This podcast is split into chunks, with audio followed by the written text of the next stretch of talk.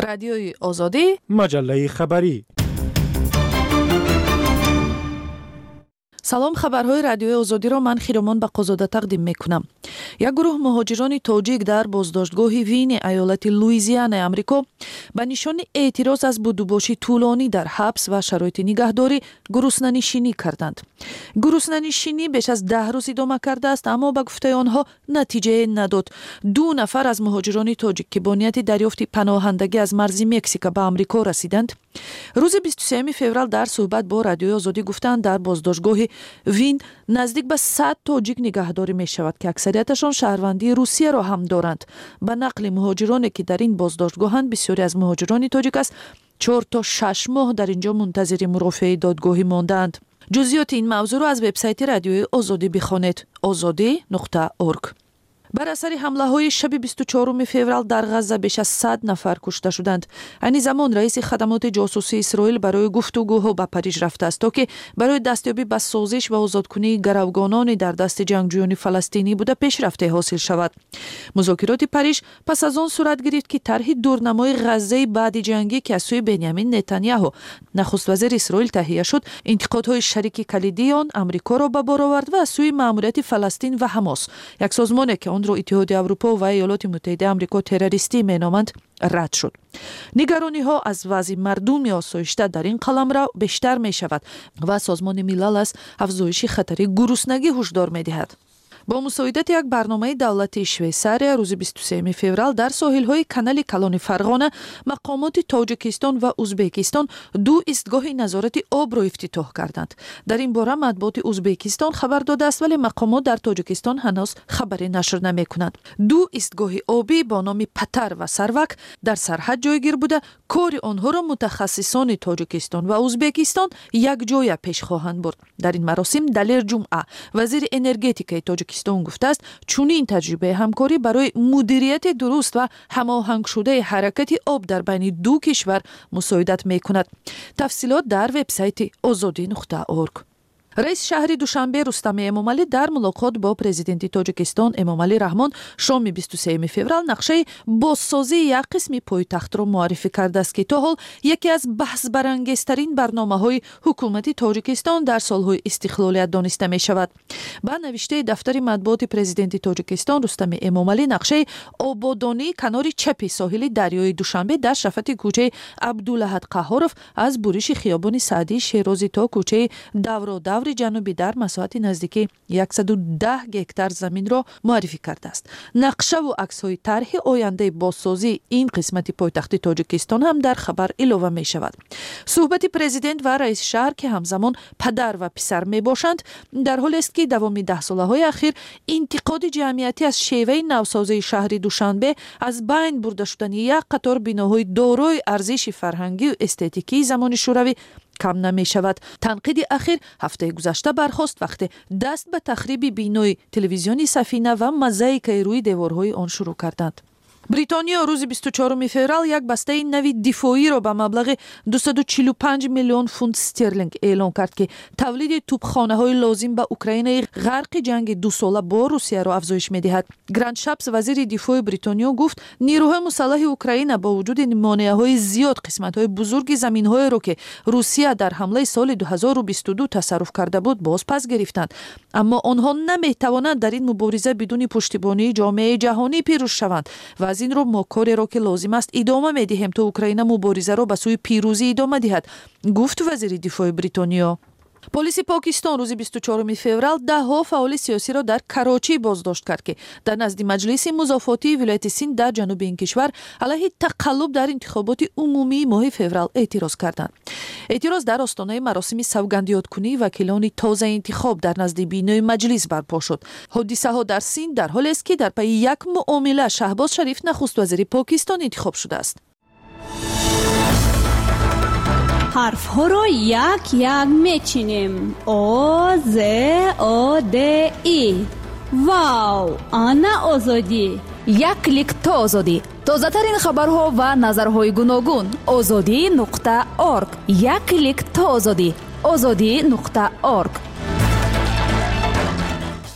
раиси хадамоти гумруки тоҷикистон дуздона ё қочоқӣ ба кишвар овардани телефонҳои мобилиро то замони ҳатмӣ шудани сабти номи онҳо тасдиқ кард. Хуршед каримзода гуфт мушкили сабт шудани ин телефонҳоро мебоист худи тоҷирон ҳал мекарданд. Ҷузъиёти бештари мавзӯъро ман сарвинози рӯҳулло ироа мекунам. Ҳукумати тоҷикистон қарори сабти имеи телефонҳои мобилӣ планшет ва ноутбукҳоро дар моҳи марди соли 2022 содир кард аммо сабти он дар тобистони соли 2023 ҳатмӣ шуд хуршед каримзода раиси хадамоти гумруки тоҷикистон гуфт аксари ҳолат то ба таври қочоқ меомад.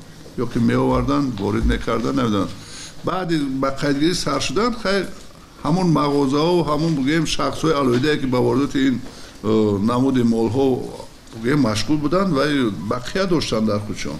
Ина бояд худи ҳамонҳо ба расмият медароварданд тибқи иттилои хадамоти гумрук сокинон ҳангоми овардани телефон аз хориҷа дар дидбонгоҳҳои гумрукӣ метавонанд ройгон рамзи имейро сабт кунанд. Дар акси ҳол ба гуфтаи масъулон ин дастгоҳ қочоқӣ шуморда мешавад ва барои расмӣ кардани он бояд молиёт ва пули рамзро пардохт кунанд хуршед каримзода дар посух ба ин суол ки бо вуҷуди назорати гумрукӣ тоҷирон ё шахсони алоҳида чӣ гуна тавонистанд телефонҳои мобилиро дуздона ё бесабти имей ба кишвар биёранд ва ҳоло ҷабри онро харидорон мекашанд гуфт. Ҳолатҳош гуногун аст. Мешавад ки дар боғоҷо мисол гем фалон рафиқам равон кард яктаман ҳоло ки тамоми тартиби мегӯм ба қайдгирӣ ҳаст барои ҳар як нафар шаҳрванд вақте ки аз хориҷ бо худ меорад формаи ба расмиятдории гумрукӣ т6 мегӯем ҳаст.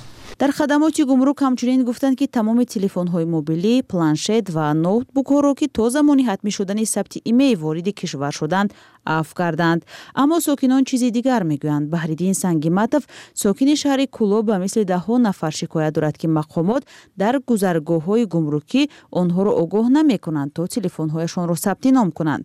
Ҳамин бепарвоии мақомот ҷабр ба ҷайби муштариён мешавад понимаю, он тебе сказал, мой октябр домадам дар ҳамин чиянӣ нагуфтем мои ноябр домадем бидаям чинда бояд дар аэропортҳо чӣ мекардем мақсад регистрация ҳамҷора мегуфтанд. Мо ягон кас нагуфт ки чи ягон нафарам набудам хеле корора бояд мекард. Мо гузаштем омадем. بعد هم یه هفته ده هفته تلفن محکم چه بعد رفتیم باید خیلی چیش نکم گفتم احتمال یک اعلام میشه اون چی رفتیم پولش رو سپردیم سه صد و نوت سوم باید سپردیم мушоҳидаи хабарнигорони радиои озодӣ нишон дод ки дар дукону мағозаҳо на ҳама телефонҳо аз расмиёти гумрукӣ гузаштаанд. Тоҷирон ҳам дақиқ намедонанд ки телефонҳои мобилӣ чӣ гуна бидуни расмиёт вориди бозор шуданд. Онҳо мегӯянд агар ҳангоми фурӯш пардохтҳои гумрукиро ба нархи телефон илова накунанд зиён мебинанд. Рамазон саидзода як тоҷири тоҷик гуфт масалан ду ҳазор сомон бошад дусаду шасту чанд сомон дусаду шасту ҳафт сомон ҳамун налогиш қатъиян боҷи гумрукиш ҳамаш қатъи хизматрасониш мешавад یعنی دو هزار و بیست دو دو هزار بیست شست دو هزار بیست هفتاد سوم نشده میخوامش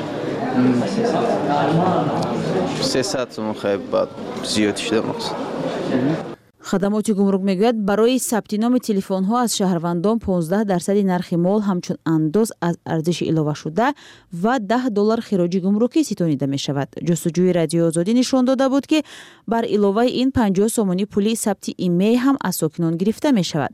Дар сурати сабт накардани имей телефон аз сӯи ширкати net solutions хомӯш карда мешавад. Ширкате ки мақомот моликонашро ошкор намекунанд.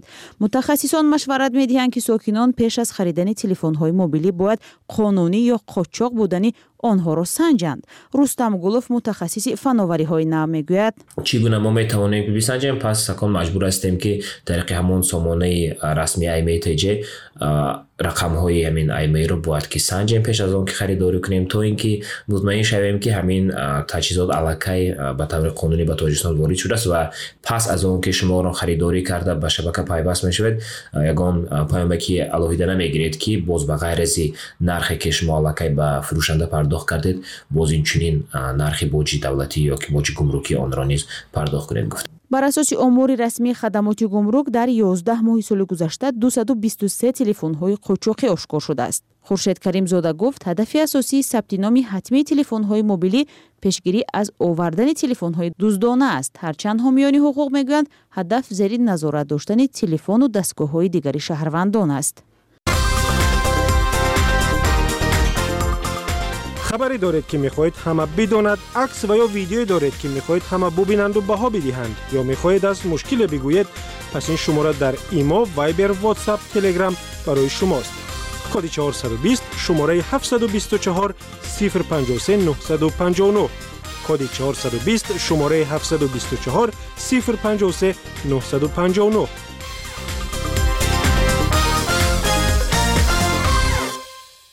دوام یک هفته اخیر مقامات ترکیه دهها شهروند تاجیکستان را از فرودگاه برگردانده اجازه ورود به آن کشور را ندادند تاجیکستانیان می‌گویند بدون شرح آنها را در فرودگاه استانبول نگاه داشته برایشان قرار اخراج از ترکیه را صادر کردند در این باره من مولا رجب یوسفی گزارش می‌دهم. مقامات ترکیه و هم تاجیکستان تا حال مسئله را شرح ندادند بعضی شهروندان تاجیکستان می‌گویند از کارمندان پلیس ترکیه شنیدند که سبب تیرپرانی یک شهروند تاجیکستان در یک از کلیساهای استانبول است.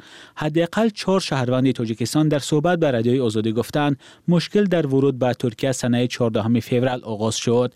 یک ساکن شهر دوشنبه که 18 فوریه به ترکیه پرواز کرده است. به رادیوی آزادی گفت که وقتی به استانبول رسیدند از آن طرف تقریبا سی نفر را آورده گفتند که آنها را دپورت شدند و به هواپیمایی که ما رفته بودیم باید به دوشنبه برگردند. همصحبت ما گفت کارمندان نقطه شناسنامه‌دهی فرودگاه استانبول از میان آنها نیز قریب سی کس و اساسا جوانان را جدا کرده به یک اتاق بردن و گفتند که شما را اخراج می‌کنیم. همصحبت ما گفت او و همراهانش را سه روز در بازداشتگاه موقت پلیس در فرودگاه استانبول نگاه داشته. 20 فوریه به دوشنبه بازپس فرستادند. این نفر که نخواست نامش فاش شود سند را به ما پیشنهاد کرد که سنه 18 فوریه قرار اخراج او را صادر کردند. عین همین شکایت را چند مسافر دیگر هم دارند که سنه 20 فوریه از دوشنبه به استانبول پرواز کرده بودند. در نواری که مهاجران به رادیوی آزادی فرستادند 27 نفر و اساسا مردان دیده می شوند که در چند اتاق در فرودگاه استانبول نشستند یا خوابیدند. یک کابینت مو بردن همجا از صورت مون گرفتن چی ممکن دکمنتون توغری کردن همجا آزی واردن گشنه و تشنه هم درن در محکم اون کردن میگه مقلا هم سونکامون بتین که اشتابی که هم کلچه های واردگی مون بخریم. امور داج نمیرم به تنوکه همی بخری مقصد هم چیزای خنونا رادیوی آزادی برای شرح مسئله به سفارت تاجیکستان در ترکیه و کنسولگری کشور در استانبول سفارت ترکیه در دوشنبه و وزارت کارهای خارجه تاجیکستان مراجعت کرد اما هیچ کدام آنها تا لحظه نشر گزارش مسئله را شرح ندادند. بعضی از تاجیکستانی هایی که 18 فوریه از ترکیه اخراج شدند به سفارت این کشور در دوشنبه مراجعت کردند. در سفارت ترکیه حجت را دیده گفتند که ما را شخص شبهناک حساب خوابیده به ترکیه راه ندادند. گفت یک همصحبت ما که اخیرا از ترکیه اخراج شد. در حالی که شرح مقامات دسترس نیست بعضی تاجیکستانی های اخراج شده از ترکیه می‌گویند کارمندان پلیس ترک به آنها گفتند سبب پیش آمدن این حالت تیرپرانی یک شهروند تاجیکستان در کلیسای در استانبول است. قبلا مقامات ترکیه گفته بودند یکی از دو گمانبر حمله 28 ینور به کلیسای در استانبول شهروند تاجیکستان است. از سال 2018 شهروندان تاجیکستان حق دارند بدون روادید یا ویزا 90 روز در ترکیه بود و باش کنند. ترکیه پس از روسیه و قزاقستان کشور است که شهروندان تاجیکستان برای کار به آن سفر می کنند در برابر صدها مهاجر قانونی برخی شهروندان غیر قانونی به کار مشغول می شوند مقامات تاجیکستان قبلا گفته بودند که حدود 7000 شهروند کشور در ترکیه کار و زندگی می کنند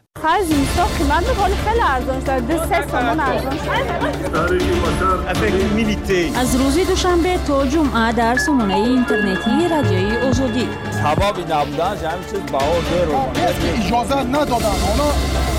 ахбори тоҷикистон минтақа ва ҷаҳон дар озодии тв шабегул хоҷа ҳастам салом. Имрӯз дар барнома. Тафсили хабарҳо. Ба ҳамин шакл сурат хоҳад гирифт cw озодӣ орг дар гузашти давлатмандхол овозхони саршиноси мусиқии фалаки тоҷикистон. Дар ин бора гузориши ман иршод сулаймониро бишнавид. Дар поҳи гаи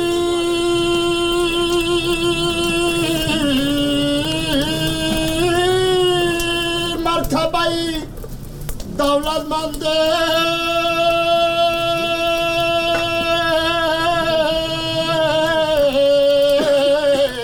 این مراسم ویدا با دولتمند خال فلک سرای معروف تاجیک است که هم گریه داشت هم دعا می کردن و هم فلک می سرودن.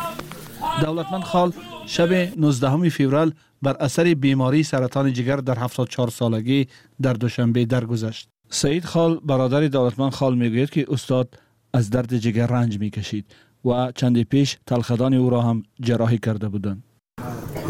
مسکو رفت. اونجا یک چهار دیدنش که خیلی گفتن که جگره جگرت خیلی کسرش وزین تره خیس اومد. خیلی جا بعد به شفاخونه شنبه وردنش خراب بلو. ما روزی اول خطش بدم. تا اخیره. بگم دولت من یکون جو درد می‌کنه. گو نه. هم نمی‌کنه حس نمی‌کنه دیگه دولتمند خال 74 سال پیش در داغستان شوراباد ختلان به دنیا آمد. در 13 سالگی در مرگ پدرش فلاکسرایی را آغاز کرد که آن را تا صحنه های بزرگ هنری جهانی رساند. برخی از اهل تحقیق مقام دولتمند خال را در وحدت فرهنگی فارزبان ها بسیار بلند می دانند. نه تنها من فکر نمی‌کنم نه تنها جنبه هنری بلکه جنبه معنوی و ماهیتی و اصلی و وجودی و هستیش بود بنیادی و هویتیش بود که باید توانست که از اون دایره های محدود کوهستان به دایره های شهری و فراتر از اون ببرد و معرفی کند. اون مثلا سیمای واقعی فلکی نه تنها و عرض و داد است بلکه اعتراض است. نه تنها بیچاره نالی است بلکه اعتراض است. اعتراض با فلک برای تغییر دادن وضع حال و حال هوای مردم. اینو برای انا همین من همین اصل بنیادی یا که فوندامنتی فلکی اعتراض یک انسان که مثلا به خاطر برآورده ساختن نیازاش با فلک دست به گریبان می‌شد این توانست استاد دولتمند به سطح خیلی بلند رساند و به دوری های دور برد. در گذشت آوازخانی سرشناس را اهل ادب نه تنها فاجعه هنری آوازخانی بلکه تلفات برای ترغیب ادبیات اصیل و شعر ناب می‌دانند. نظام قاسم رئیس اتحادیه نویسندگان تاجیکستان گفت که دولتمند خال از جمله های سرشناسی بود که همیشه شیر ناب می سرود. یکی از خصلت های ایجادی استاد همین بود که همیشه به شعر بلند رو می آورد و شعر واقعی را ترغیب می کرد. بخصوص در ترغیب اشعار جاویدانه مولانا حافظ سعدی از شاعران امروزه در ترغیب شعر استاد لایق شیرالی سهم بسیار ارزنده دارد. در این مراسم از دولتمند خال به عنوان کسی یاد شد که به وسیله فلک در وحدت فرهنگی و تمدنی فارزبان ها سهم چشمگیر دارد. آرتی قادر هنرمند مردمی تاجیکستان از دولتمند خال به عنوان کسی نام برد که در کشورهای همزبان ایران و افغانستان شهرت بلندوازی داشت. ёдам ҳаст ки дар ҷумҳури эрон дар эрони бузург шомгоҳ ба як дукон даромадем ки садои давлатманд аз телевизион баланд мешуд. Дур машав дур машав садо ҳамин суруди дур машави мавлоно. Ва дар пасманзари ин суруд ҳамин манзараҳои эрону э, худи мақому ҷойгоҳи роҳбари эрон ҳама инчисон ман гуфтам баландаш кун оғо баъд э, онҳо пурсиданд ки шумо аз куҷо ҳастед? Мо тоҷикистонем аз тоҷикистонем ин бародари мо ҳаст بعد با یک محبت گفتن که برادر ما هم هست ما خیلی دوستش می‌داریم. دولتمند خال را نه تنها هنرمندی می‌دانند که هنری فلک خانی را رشد داده است بلکه به عنوان استاد صاحب مکتب و مؤسس دسته فلک در پرورش شاگردان نقش باریز دارد. دانشمند قطبالدین شاگرد مکتب آوازخانی دولتمند خال و رهبر دسته فلک ولایت سوخت می‌گوید که او در تربیه و پرورش شاگردان از جمله استادان بسیار برجسته بود. با استاد بسیار یک انسانی تبرک انسانی نگ هستند شاگرد پرور هستند و ما را کمی هم بود که و ما آموختن همین ژانر فلک را باور کنید سخن کردن مشکل است سهم دولتمند خال را برای حرفه‌ای کردن ژانر فلک خیلی برجسته می‌دانند امیربیک موسی رئیس اتحادیه آهنگسازان تاجیکستان کار دولتمند خال را برای حرفه‌ای کردن موسیقی فلک از جمله کارهای ارزشمند دانست استاد علامه خالوف همچون اعضای بستکاری اتفاق کمبزدران تاجیکستان هستند و ایشان یک کتابی را هم به ادوار یعنی ناتا یعنی روی چاپ آوردن که اون نام عنوان فلک را دارد. گفته می شود که دولتمند خال برای جاویدانگی هنری فلک که در دنیا هواداران زیادی داشت بالای طرحهای بزرگ کار می‌کرد. فیزلی حسن هنرمند مردمی تاجیکستان که با دولتمند خال سالیان زیاد در دسته فلک کمیته تلویزیون و رادیو کار کرده است گفت که دولتمند خال نیت داشت اکادمی فلک را تأسیس دهد و برای رشد این موسیقی سنتی تاجیک کارهای بیشتری بکند. کاری ناتمام خیلی زیاد داشتند وای در نیت داشت که یک اکادمیایی фалакро таъсис дода бошад. Ва китобҳои навбатӣ дар сабти фалак ба чоп омода буданд. Яъне ки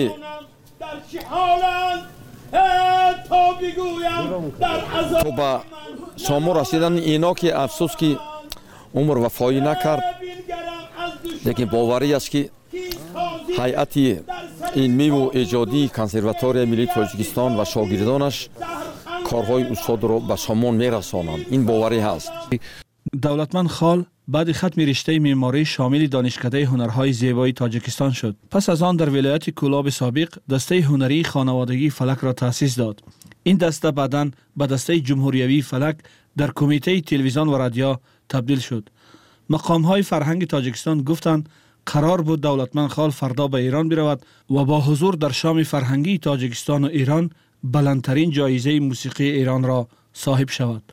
اما مرگ این امکان را از او گرفت.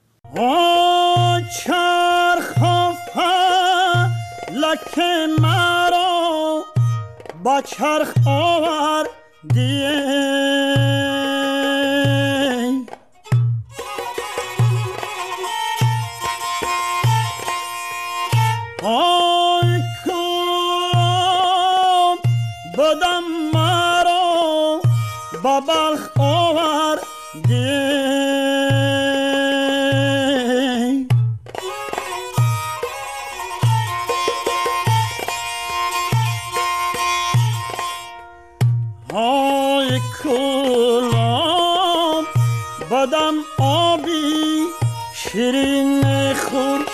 coming.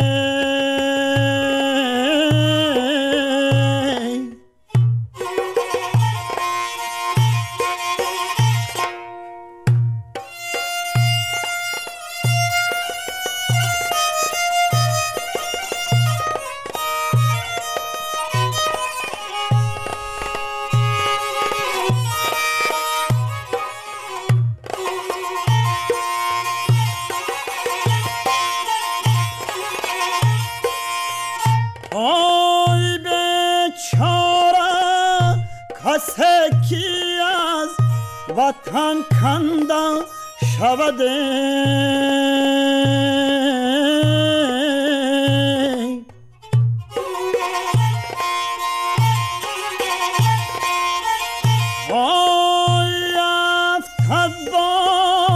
غریبی و با کس بنده شوده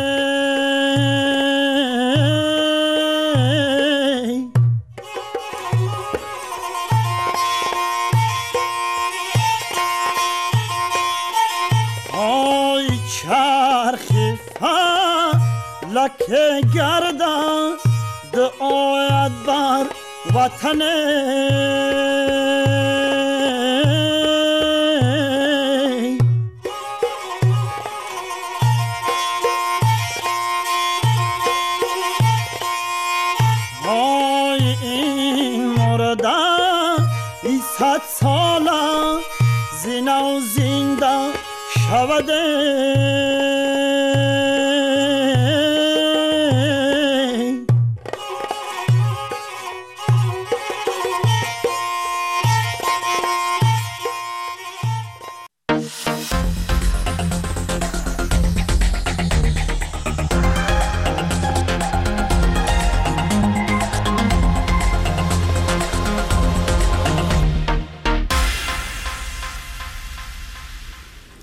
حاجی طلبان حاجی زیارت و حاجی آشی و یا دعوت حاجی به خانه و زیافت دادن آن.